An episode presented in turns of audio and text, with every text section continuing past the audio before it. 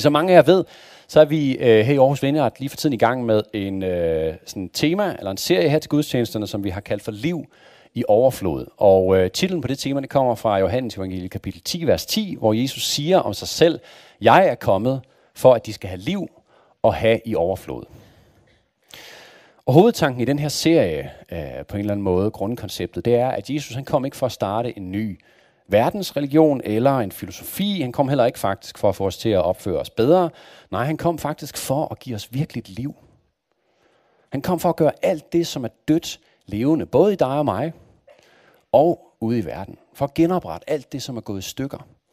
Og for at hjælpe skabningen, hele skabningen, tilbage til det, der var skaberens oprindelige tanke, nemlig en god verden, hvor det er kærlighed og fred og glæde og alt andet godt, som hersker og hvor vi kan få lov til at opleve virkelig fællesskab med hinanden og virkelig fællesskab med skaberen.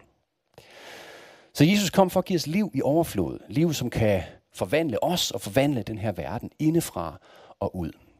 Men faktum er bare, så når jeg det i hvert fald, om ikke andet kan jeg tale for mig selv, at øh, rigtig mange af os, som kalder os selv for kristne, som måske går i kirke, læser i Bibelen, alligevel faktisk ikke rigtig oplever det her med at blive forvandlet. Måske oplever vi slet ikke at blive fyldt med det liv, som Jesus døde for at give os. Og det er på en eller anden måde paradoxalt, ikke? Jeg tror, der kan være så mange ting, som afholder os fra det liv, som Gud ønsker at fylde os med. Og en af de ting, som jeg tror fylder rigtig meget i det her, som det skal handle om i dag, det er, at jeg tror, at rigtig mange af os, vi oplever, at vi på en eller anden måde sidder fast i den virkelighed, at vores liv på den ene side er totalt adskilt fra vores tro på den anden side. Og jeg prøvede at lave sådan en lille øh, model, øh, eller dårlig tegning af det, som jeg tror, der kan I se det. Lidt provokerende. Jeg har hørt, det er det, man skal. Man skal provokere. Kan I se, hvad der står? Der står mit liv i den ene cirkel, min tro i den anden. Så er der en lille smule overlap, hvor der så står cirka halvanden times ugenligt overlap, som er øh, om gudstjenesten. Nu for vores vedkommende er det så kun hver anden uge. Men heldigvis så holder jeg nogle lange taler, så tit så bliver det lidt mere end halvanden time. jeg ved ikke, om det er godt eller skidt. Øhm, Nej, altså jeg tror, øh, som sagt, at vi kæmper med at få sammenhæng mellem de her to ting. Vores liv og vores tro. Og i virkeligheden, så tror jeg faktisk, at vi måske kæmper med at bare overbevise os selv om, at der faktisk overhovedet er en sammenhæng. Vi går i kirke, vi går måske i en netværksgruppe, vi læser nogle gange i Bibelen, vi beder også til Gud. Men i realiteten ikke, så bliver vores tro mere sådan en slags indre livsfilosofi. Øh, og det bliver ikke altid til noget, som gør en reel forskel i vores liv. Eller i den måde, vi lever vores liv på. Hvis I ligesom mig er vokset op i kristne kredse, så har I måske hørt noget i den her stil, at jamen, det at være kristen, det er ligesom primært sådan en indre ting, eller sådan, det behøver ikke at være noget, som kan ses udenpå, eller det er ikke noget, som sådan ligesom kan ses udenpå. Ikke? Og jeg tror, det er rigtigt, at sådan forholder det os med rigtig mange af os, men man kunne stille sig spørgsmålet, er det rigtigt, at det forholder sig sådan? Altså, er det rigtigt? Er det sådan, det skal være? At det med at være troende faktisk ikke rigtig er noget, der kan ses udenpå? Jeg mener bare, når man kigger på Jesus og på hans radikale liv og på den radikale undervisning, som han gav, er det så på en eller anden måde lidt svært at forene det med et liv, hvor vi bare sådan har det hele inde i, hvor det bare er sådan en filosofisk ting. Og jeg ved ikke med jer, men jeg har simpelthen den her længsel efter at blive brugt af Gud. Jeg har den her længsel efter, at mit liv, alle dele af mit liv, bliver en del af hans plan, en del af noget, som er større end mig selv. Sådan at det, jeg på en eller anden måde bidrager med til den her verden, det jeg på en eller anden måde kan give, selvom det ikke er særlig meget, at det bliver noget på en eller anden måde, som det bliver til mere end det, jeg på en eller anden måde selv kan give. Ikke? Sådan så det, jeg øh, bruger det meste af min tid på, mit arbejde måske, eller mit studie, eller der, hvor jeg er sat, ikke? at det ligesom ikke bare bliver til det, at det ikke bare bliver noget, som stopper med det. Men det bliver noget, som på en eller anden måde skaber værdi til den her verden, som gør en virkelig forskel. Og det kan være svært at se, hvordan man skal komme derhen. Og jeg tror rigtig hurtigt, så ender vi med at stille os tilfreds med, på en eller anden måde, den her myte, at sådan, jamen, det her med sådan et radikalt trosliv, eller et radikalt ligesom kristentliv, det er kun for nogle særlige mennesker. Det er kun for præster, eller missionærer, eller nogle andre fuldstændig øh, sindssyge mennesker. Ikke? Altså. Og det kan, det, de lever sådan nogle liv, som vi sådan nogle Mother Teresa-agtige typer. Ikke? Der lever sådan et liv, som vi overhovedet kan forholde os til. For sådan, hvordan, okay, fedt nok Mother Teresa, men nu, nu er jeg ligesom... Øh, nu læser jeg bare et eller andet øh, samfundsvidenskab i Aarhus, eller sådan noget, hvordan jeg ligesom skal... I godt se, så ligesom... Og så tror jeg, så kan vi tænke, ah, mit, okay, mit bidrag, det må nok være, at øh, det jeg ligesom kan bidrage med, det er, at jeg kan spytte lidt i kirkebøssen, jeg kan øh, måske spille øh, klaver til gudstjenesten en gang imellem, eller øh, jeg kan tage kage med i netværksgruppen. Og det er jo øh, rigtig gode ting, specielt det med kagen, synes jeg. Men spørgsmålet er, om det på en eller anden måde er nok, altså. Jeg tror i hvert fald stadig, vi kan opleve det her skisma, eller den her splittelse.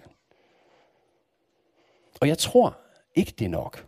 Ikke hvis vi tror på, at det at være kristen, det virkelig handler om at leve et liv som efterfølger af Jesus, som disciple af Jesus. Ikke? Det er det, der ligger i ordet kristen.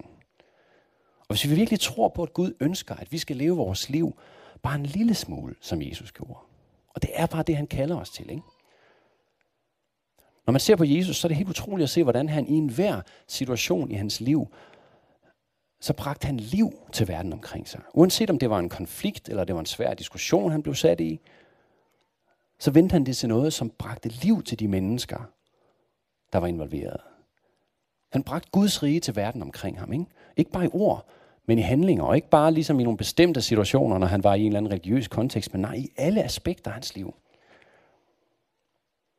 Og så kan det være, at vi tænker, at det er også det med de der mirakler. Sådan noget. det handler slet ikke kun om de mirakler, han udførte. Det handler ligesom om, hvordan han relaterede til mennesker, hvordan han talte liv med hans ord ind i menneskers liv. Helt almindelige hverdagssituationer. Vi skal se på en af dem lige om lidt sammen. Og uanset hvilken situation Jesus blev sat i, om det var et besøg hos venner, eller hos fjender, eller det var, som sagt, når han blev sat på prøve, eller en eller anden konflikt, så formåede han på en eller anden måde at gøre det rigtige og bringe liv ind i selv den sværeste og mest håbløse situation. Og øh, når man læser Bibelen, og man læser apostlenes gerninger, så er det ret interessant at se, hvordan de første kristne, hvordan disciplene og hele den første kirke, de virkelig fangede det her. De, de, de havde virkelig på en eller anden måde grebet det her. Altså, at, at livet med Jesus, det er ikke dybest set, så handler det ikke om en moralsk livsstil, eller om en eller anden religiøs praksis, heller ikke, faktisk ikke om, om åndelige oplevelser. Det handler kort fortalt om at bringe Guds liv til den her verden. Liv i overflod. Det liv, som Jesus døde for at give os. Prøv at gå og, og, og læs apostlenes gerninger. Ikke? Det er som om, de har fuldstændig forstået det her med, okay, men vi skal ligesom, okay, Jesus er her ikke længere, men vi skal fuldføre den mission, han startede. Der sker lige fantastiske ting i apostlenes gerninger.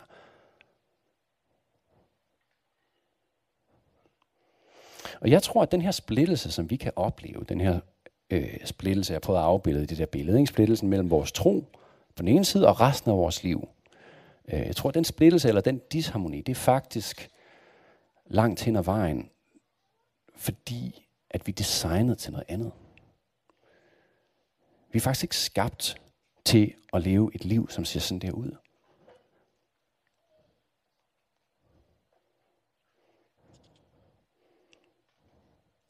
Bibelen og Jesus fortæller os faktisk, at vi er designet til at bruge vores liv i partnerskab med Gud.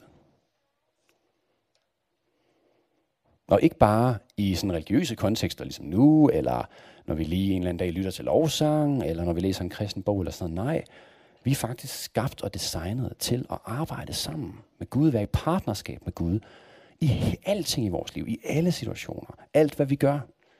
Og vi er skabt til i samarbejde med ham at udrette store ting og gøre en forskel.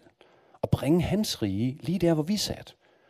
Og leve et liv i overflod, et liv, som flyder over. Det er ligesom det, der ligger i det begreb. Ikke? Et liv, som flyder over og flyder ud til verden og til mennesker omkring os med Guds liv. Og jeg tror, det var det, de første kristne forstod. Og som de faktisk levede ud, men det er desværre noget, tror jeg, som vi langt hen ad vejen har tabt. Nemlig ligesom, at det at være kristen, og det at være barn af Gud, det ikke bare handler om, at vi elsket og accepteret af Gud. Det er ligesom det, det starter med. Men det er bare begyndelsen. Men at vi er faktisk skabt til mere. Når vi forstår, at vi er skabt og elsket og fuldstændig accepteret af Gud, så finder vi ud af, at hey, der er faktisk mere end det. Det er faktisk bare starting point. Vi er faktisk skabt og designet og kaldet til at partner med ham i alt, hvad vi gør i vores liv. Og prøv en gang bare lige for sjov, øh, og lukke øjnene, hvis du har lyst til, eller i hvert fald bare lige øh, forestille dig ind i dit hoved, hvad vil der ske, hvis du var i partnerskab med Gud i alle områder af dit liv? Hvis du formåede at se på mennesker, du møder i løbet af din dag, på dit studie, eller dit arbejde, din familie, relationer, Hvis du formåede at se med Guds øjne på konflikter og de valg, du står overfor.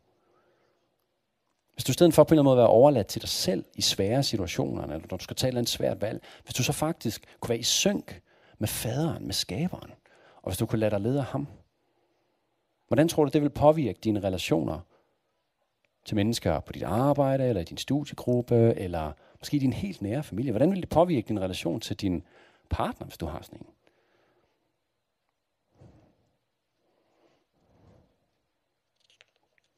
Det synes jeg er en meget interessant tankeeksperiment. Og øh, nu skal vi læse en historie om Jesus sammen. Fra Johannes evangeliet, kapitel 4. Da nu Jesus fik at vide, at farisæerne havde hørt, at han vandt flere disciple og døbte flere end Johannes, nu ganske vist ikke Jesus selv, men hans disciple, der døbte, så forlod han Judæa og vendte tilbage til Galilea. Han måtte tage vejen igennem Samaria. Han kom da til en by i Samaria, der hedder Sykar, og i nærheden af det stykke jord, Jakob gav sin søn Josef. Der var Jakobs kilden. Træt af vandringen satte Jesus sig så ved kilden. Det var ved den 6. time. En samaritansk kvinde kom for at hente vand. Jesus sagde til hende, giv mig noget at drikke. Hans disciple var nemlig gået ind til byen for at købe mad. Den samaritanske kvinde sagde til ham, hvordan kan du, en jøde, bede mig, en samaritansk kvinde, om noget at drikke? Jøder vil nemlig slet ikke have noget med samaritaner at gøre. Jesus svarede hende, hvis du kendte Guds gave og vidste, hvem det er, der siger til dig, giv mig noget at drikke, så vil du have bedt ham, og han vil have givet dig levende vand. Kvinden sagde til ham, Herre, du har ingen spand, og brønden er dyb. Hvor får du så levende vand fra? Du vil ikke større end vor fader Jakob, som gav os brønden, og selv drak af den, ligesom hans sønner og hans kvæg. Jesus svarede hende, en hver som drikker af dette vand skal tørste igen. Men den, der drikker af det vand, jeg vil give ham, skal aldrig i evighed tørste. Det vand, jeg vil give ham, skal i ham blive en kilde, som vælger med vand til evigt liv. Kvinden sagde til ham, Herre, giv mig det vand, så jeg ikke skal tørste og gå herud og hente vand. Han sagde til hende, gå hen og kald på din mand og kom herud. Kvinden svarede, jeg har ingen mand. Jesus sagde til hende, du har ret, når du siger, jeg har ingen mand, for du har haft fem mænd, og den, du har nu, er ikke din mand. Der sagde du noget sandt. Og så hopper vi lige lidt i historien. Jeg ved, at Messias skal komme, siger kvinden så, det vil sige Kristus. Når han kommer, vil han fortælle os alt. Jesus sagde til hende, det er mig, den, der taler til dig. Netop da kom hans disciple tilbage, og de undrede sig over, at han talte med en kvinde. Alligevel spurgte ingen, hvad han ville hende, eller hvorfor han talte med hende. Kvinden lod så sin vandkrukke stå, og gik ind til byen og sagde til folk, kom og se en mand, som har fortalt mig alt, hvad jeg har gjort. Måske er det ham, der er Kristus. De gik ud af byen og gav sig på vej ud til ham. Det er som om, at vores verden, den rummer to lag. Lidt ligesom en øh, novelle af Hemingway, fordi jeg som har haft det i engelsk i gymnasiet, ligesom mig. Det der med isbjerget, ikke? Man ser kun en lille smule på overfladen, og så er der virkelig Yes, nok om det. Men sådan er det faktisk på en eller anden måde tit med vores verden. Som om, at på overfladen så sker der én ting, noget vi ligesom kan jagtage med vores øjne, men nedunder, på det underliggende lag, der sker mindst lige så meget. Og måske er det i virkeligheden her, det rigtig vigtige sker. Og rigtig tit, så er det her, Gud arbejder. Og vi ser det meget tydeligt i den her historie om Jesus, fordi der er så mange forudsætninger for, at den her historie aldrig ville have fundet sted, hvis det ikke har været helt tydeligt, at Jesus er så meget i sink, han er så meget i partnerskab med hans far, at han helt og holdent stoler på hans ledelse. På det her tidspunkt i Jesu liv, der han allerede ved ligesom at øh, have fået sig sådan et vist ry som en hellig mand, og, eller en profet, eller hvad det var, folk mente, han var. Og derfor så var det totalt uhørt, at han overhovedet begav sig igennem den her del af Israel, som hed Samaria. Fordi jøderne regnede samaritanerne for at være det værste udskud. Og der var udover det faktisk en god chance for, at man blev overfaldet og plyndret, hvis man gik igennem der. Det var det, der skete for de fleste jøder, der tog igennem Samaria. Derudover så er det faktisk endnu mere uhørt, at en mand og en kvinde snakker sammen, end sige er alene sammen. Det kan man også høre på kvindens første respons, hvor hun siger, hvordan kan du, en jøde, bede mig, en samaritansk kvinde, om noget at drikke? Altså hun er helt sådan, hvad, hvad for en verden lever du i? Vi kan også se det på disciplinens reaktion, når de kommer tilbage og ser, at Jesus sidder alene og snakker med en kvinde, som er fra Samaria. De tør ikke engang spørge Jesus om, hvad er det lige, der sker her? Det er sådan helt ude af deres forestillingsevne, ikke? Det er også tydeligt, at den her kvinde er ikke bare en kvinde, som har faktisk, øhm, hvad skal man sige, som helt har sit på det tørre, fordi hun kommer ud efter vand. På det tidspunkt var der ingen andre derude, på det allervarmeste tidspunkt, fordi hun vil være helt sikker på ikke at møde nogen mennesker. Så det afslører hende, ikke? Og igen, men hvad laver Jesus? Hvad laver han? Hvorfor snakker han med hende der? På alle måder, så er der så mange gode grunde til, at den her samtale aldrig nogensinde skulle have fundet sted. Så hvorfor sker det så alligevel? Det sker, fordi Jesus er i perfekt partnerskab med hans far. Et kapitel senere i Johannes evangeliet, så forklarer Jesus disciplene, hvordan det egentlig hænger sammen. Og han siger sådan her, sandelig, sandelig, siger jeg jer. Sønnen, det er ham selv, kan slet intet gøre af sig selv, men kun det, han ser faren gøre. For hvad faderen gør, det samme gør også sønnen. For faderen elsker sønnen og viser ham alt, hvad han selv gør. Og vi kan faktisk også se det uh, direkte i teksten, i det vi lige læste, der hvor der står, han måtte tage vejen igennem Samaria. Fordi når man kigger i originalteksten på græsk i det her, så finder man ud af, at det her ord måtte, det faktisk indeholder sådan en øh, bydende nødvendighed. Altså det er ikke bare sådan en fix idé, Jesus får. Han er simpelthen nødt til det, han er nærmest tvunget igennem Samaria, på trods af, at det virker så mærkeligt. Ikke? Men jeg er helt sikker på, at det er derfor, Jesus tager den vej, fordi han fornemmer simpelthen, at faderen er ved at gøre et eller andet her. Der er ved at ske noget. Min far inviterer mig ud til at gøre noget. Det er ikke sikkert, at han har vidst, hvad det var, men han har vidst, at der sker et eller andet. Og man kan jo hive masser af pointer frem for den her historie, men min hovedpointe i dag, det er at vise, hvordan Jesus er i fuldstændig partnerskab med hans far. Hvordan han igennem hele den her situation ligesom ser det underliggende lag. I stedet for at se, hvor mærkeligt det er, hvor vandærende det er for ham at snakke med en samaritansk kvinde, så ser han noget helt andet. Ikke? I stedet for at være irriteret over, at han bliver forstyrret på et tidspunkt, hvor han faktisk er virkelig træt og udmattet, som der står. Øh, og så i stedet for at se hende her kvinde som uværdig, så ser Jesus et højt elsket barn af Gud. Og han bliver fyldt af kærlighed til hende. I stedet for at se hendes fejl og mangler, så ser Jesus hendes potentiale og hendes værdi. Og han bruger den super, altså ultrakorte tid, han har sammen med hende, til at tale ind i hendes liv.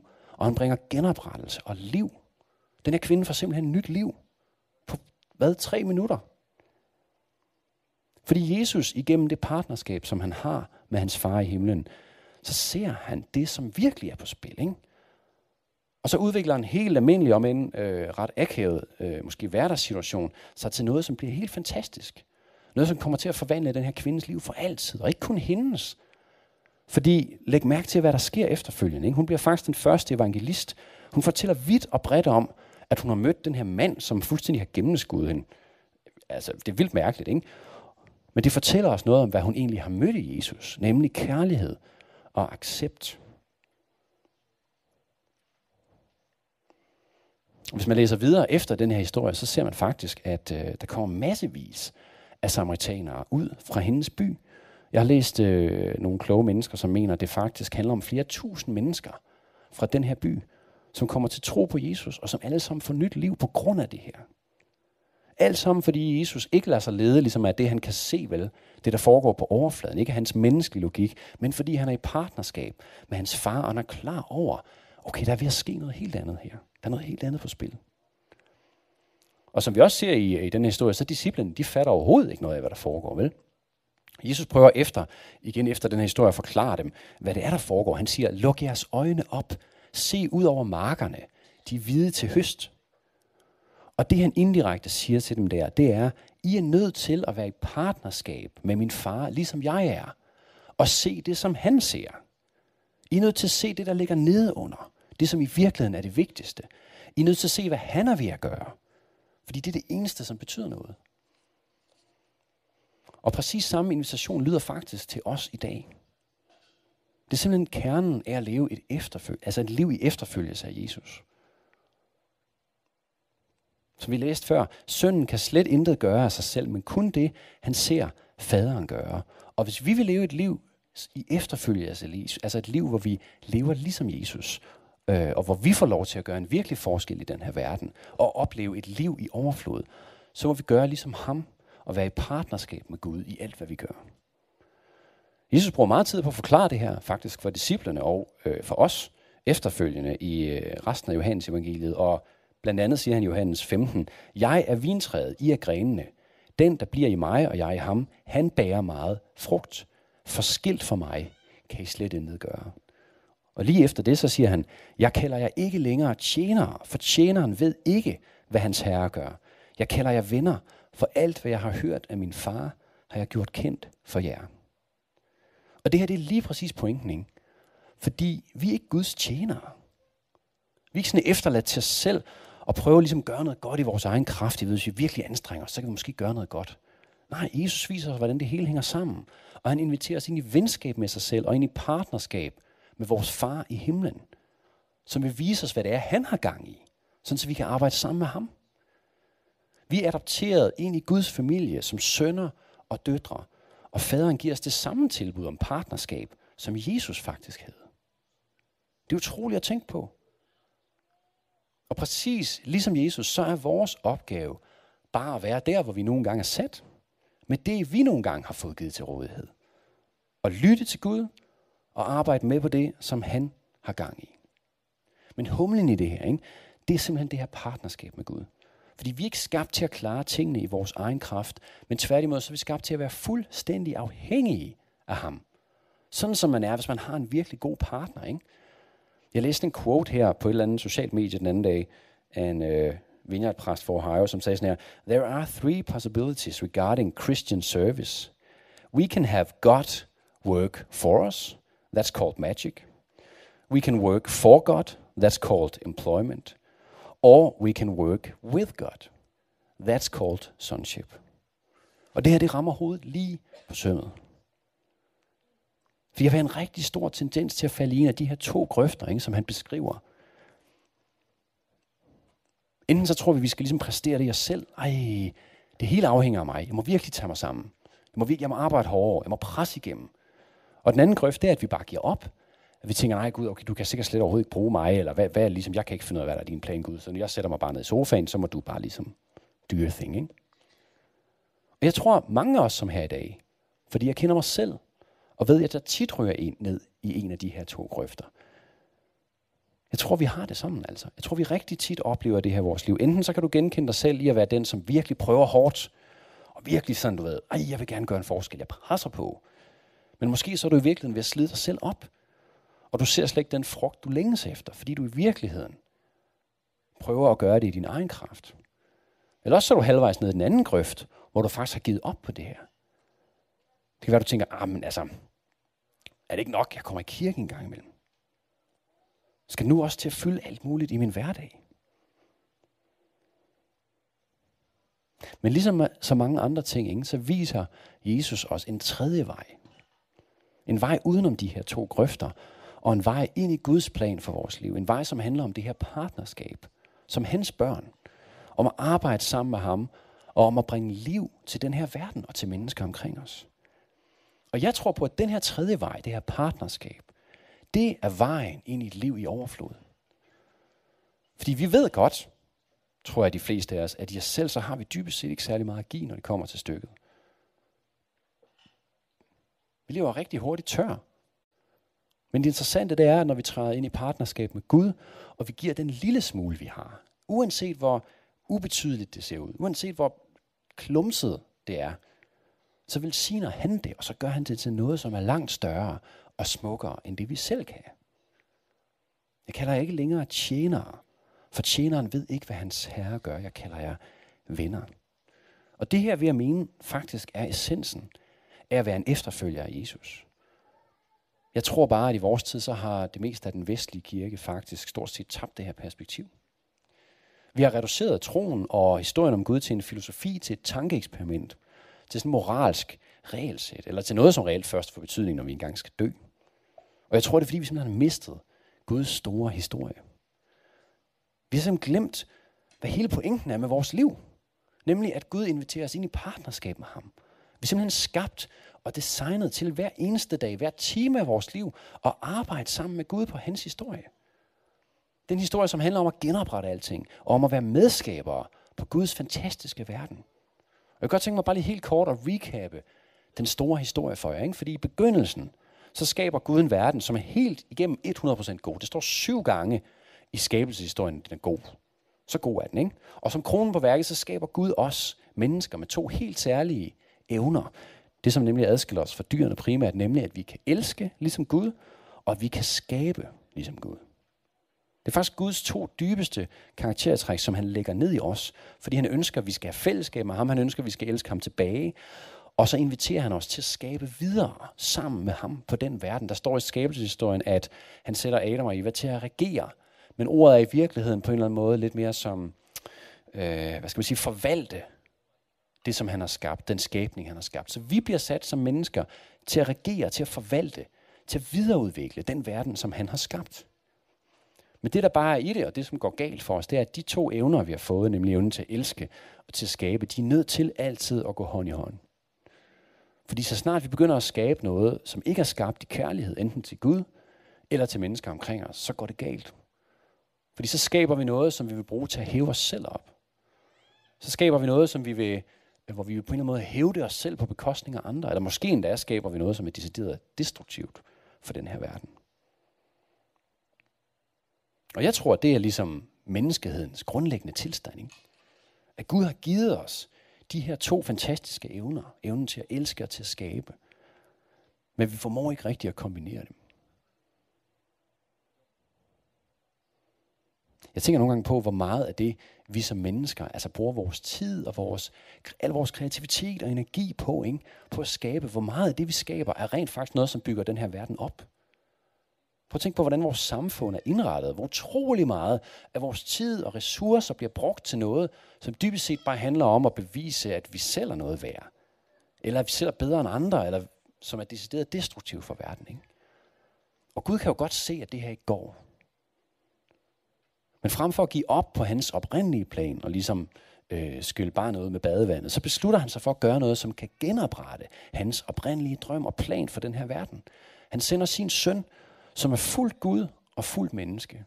Og han lever et liv præcis, som Gud har skabt os til at leve. Han aflægger sig fuldstændig sin guddommelighed og autoritet, og han udlever alle Guds hensigter og forhåbninger for menneskeheden. Altså kort sagt, alt det, som vi var skabt til at gøre, det liv, som vi var skabt til at leve, det udlever Jesus.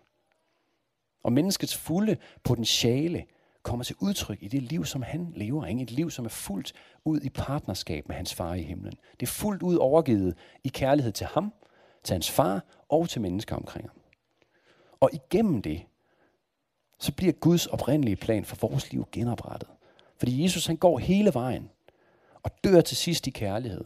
Og igennem det, så bliver vi genoprettet som mennesker, og vi får mulighed for at få del i det liv, som han havde. Igennem hans død får vi liv. Så man kan sige, at den plan Gud oprindeligt havde, da han skabte menneskeheden, til at være medskaber på den her verden, til at være forvaltere, den bliver genoprettet. Og der er mig, vi har på en eller anden måde, vi er på en eller anden måde blevet genindsat. Kan man sige, som gardner i haven. Vi er blevet genindsat.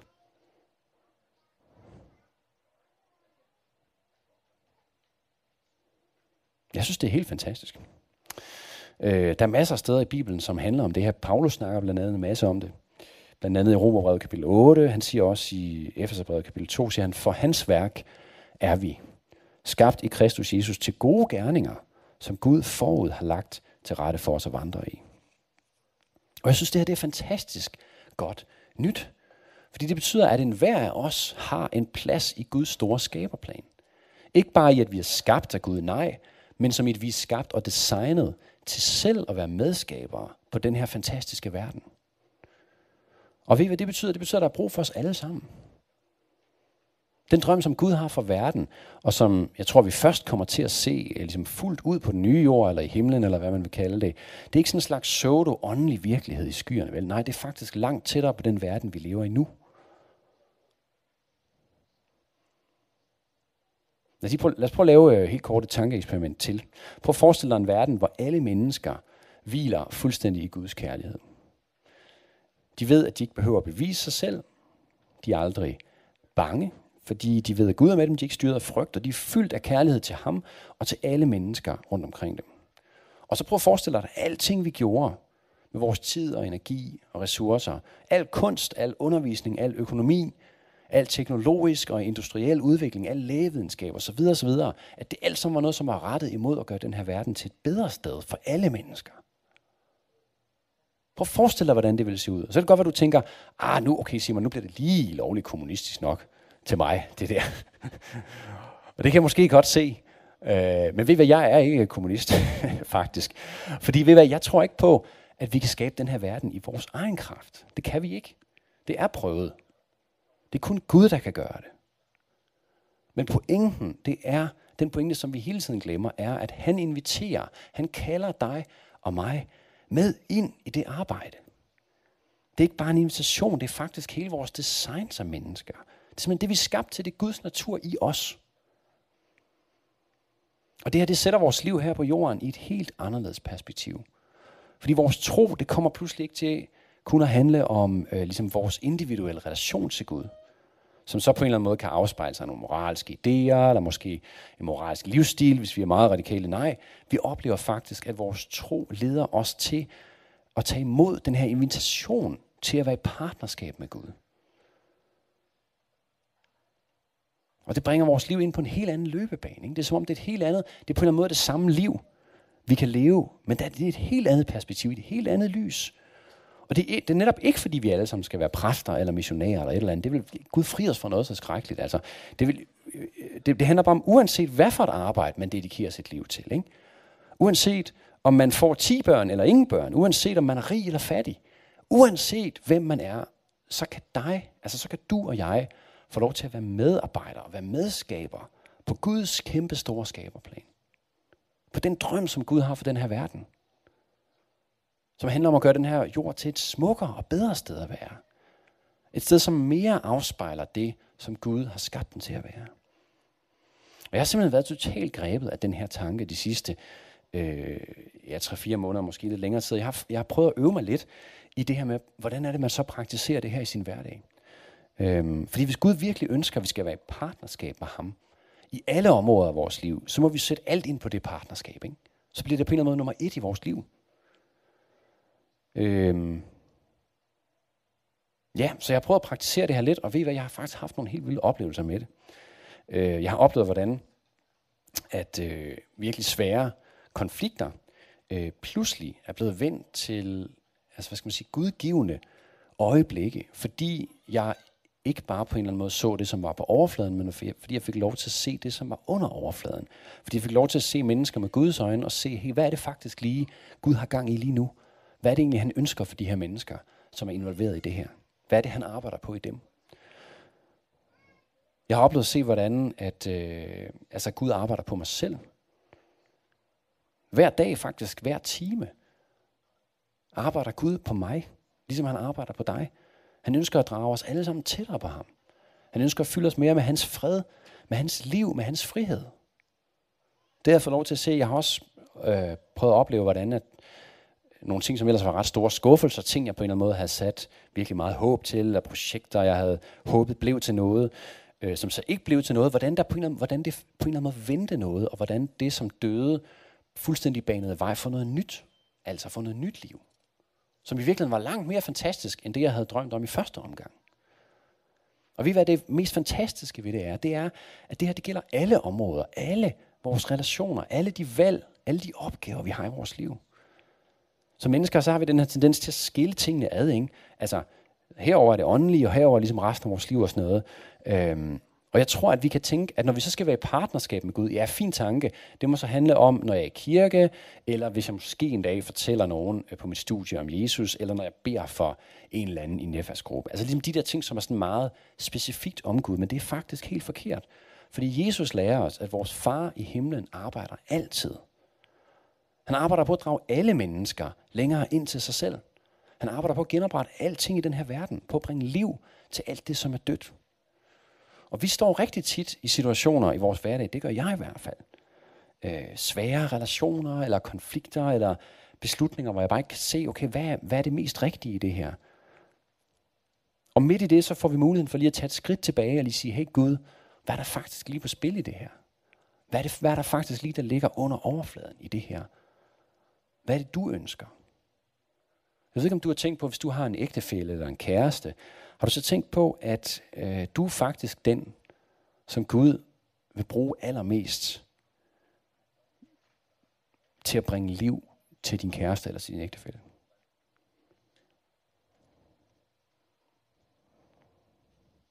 På samme måde, hvis man har børn, altså. Det er noget, som, jeg, jeg, jeg ved godt, det lyder åndssvagt, men jeg har virkelig ikke tænkt på det her øh, før for nylig. Okay, men Gud arbejder hver dag på mine børn. Hvad er det, han er ved at gøre i dem? Hvad er det, han lægger ned i dem? Hvad er det, han ønsker at bekræfte i dem? Og hvor er det, jeg kan spille en rolle i det?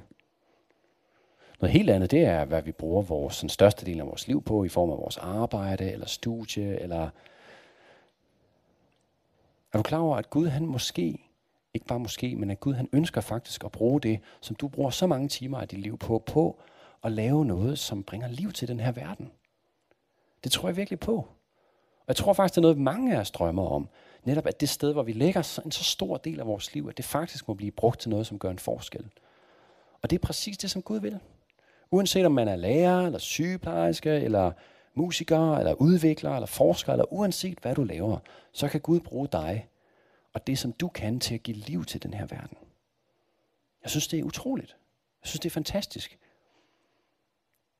Men vi skal huske på, at vi ikke skal gøre det i vores egen kraft, ikke? at det bliver, ikke, ikke bliver sådan en selvpræstation ting. Fordi ligesom Jesus, så må vi altid tabe ind i, hvad er det, faderen har gang i. Øh, jeg ved godt, jeg er lidt over tiden, så helt til sidst, så vil jeg gerne, så har jeg bare lige lavet sådan en liste med nogle øh, konkrete punkter, som øh, jeg selv har prøvet på en eller anden måde at følge lidt også, som har givet mening for mig i på en eller anden måde ud, den her udforskning af det her tema. Og øh, den vil jeg bare lige dele med jer helt kort. Og øh, her kommer den. Nummer et, altså kernen i det her, det handler om, at vi må praktisere Guds nærvær igennem hele vores dag. Jeg ved, Paulus siger et sted, be uophørligt, ikke? Det er det, det handler om. Start dagen med at spørge Gud om at vise dig, hvor eller hvad eller hvem han arbejder på i dag. Og så må vi stoppe op gentagende gange i løbet af dagen. Henvende os til ham. Hey Gud, hvor er du i det her? Okay, der skete lige det her. Hvor er du i det her? Hvad er det, du har gang i?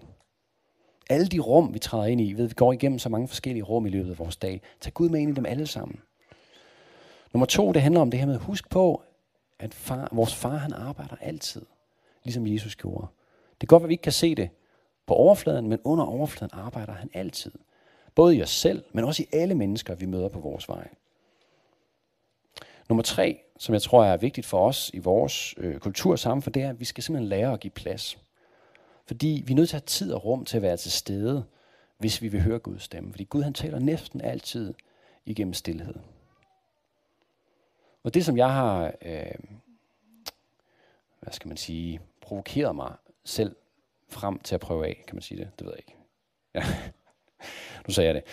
Øh, det er sådan noget med, at øh, i mange af de situationer, hvor jeg måske vil øh, øh, sidde med min mobil, f.eks. når jeg kører bus, eller når jeg lige har afleveret pigerne ned i børnehaven, skal jeg lige tjekke, oh, er der sket noget øh, vigtigt inden for de sidste 10 minutter, eller hvad det nu kan være, så prøv at ligesom øh, udvise lidt selvkontrol, og ligesom lade den ligge, eller måske endda slet ikke tage den med ned i børnehaven. Fordi pludselig så sker der det, at du begynder lige pludselig at lægge mærke til, hov, der er faktisk andre mennesker. der er faktisk andre mennesker i den her bus. Der er faktisk andre forældre, som hver dag på det her tidspunkt afleverer deres børn. Det går med sådan hilser på det, men det, bliver, det kan hurtigt blive sådan meget maskinelt, ikke?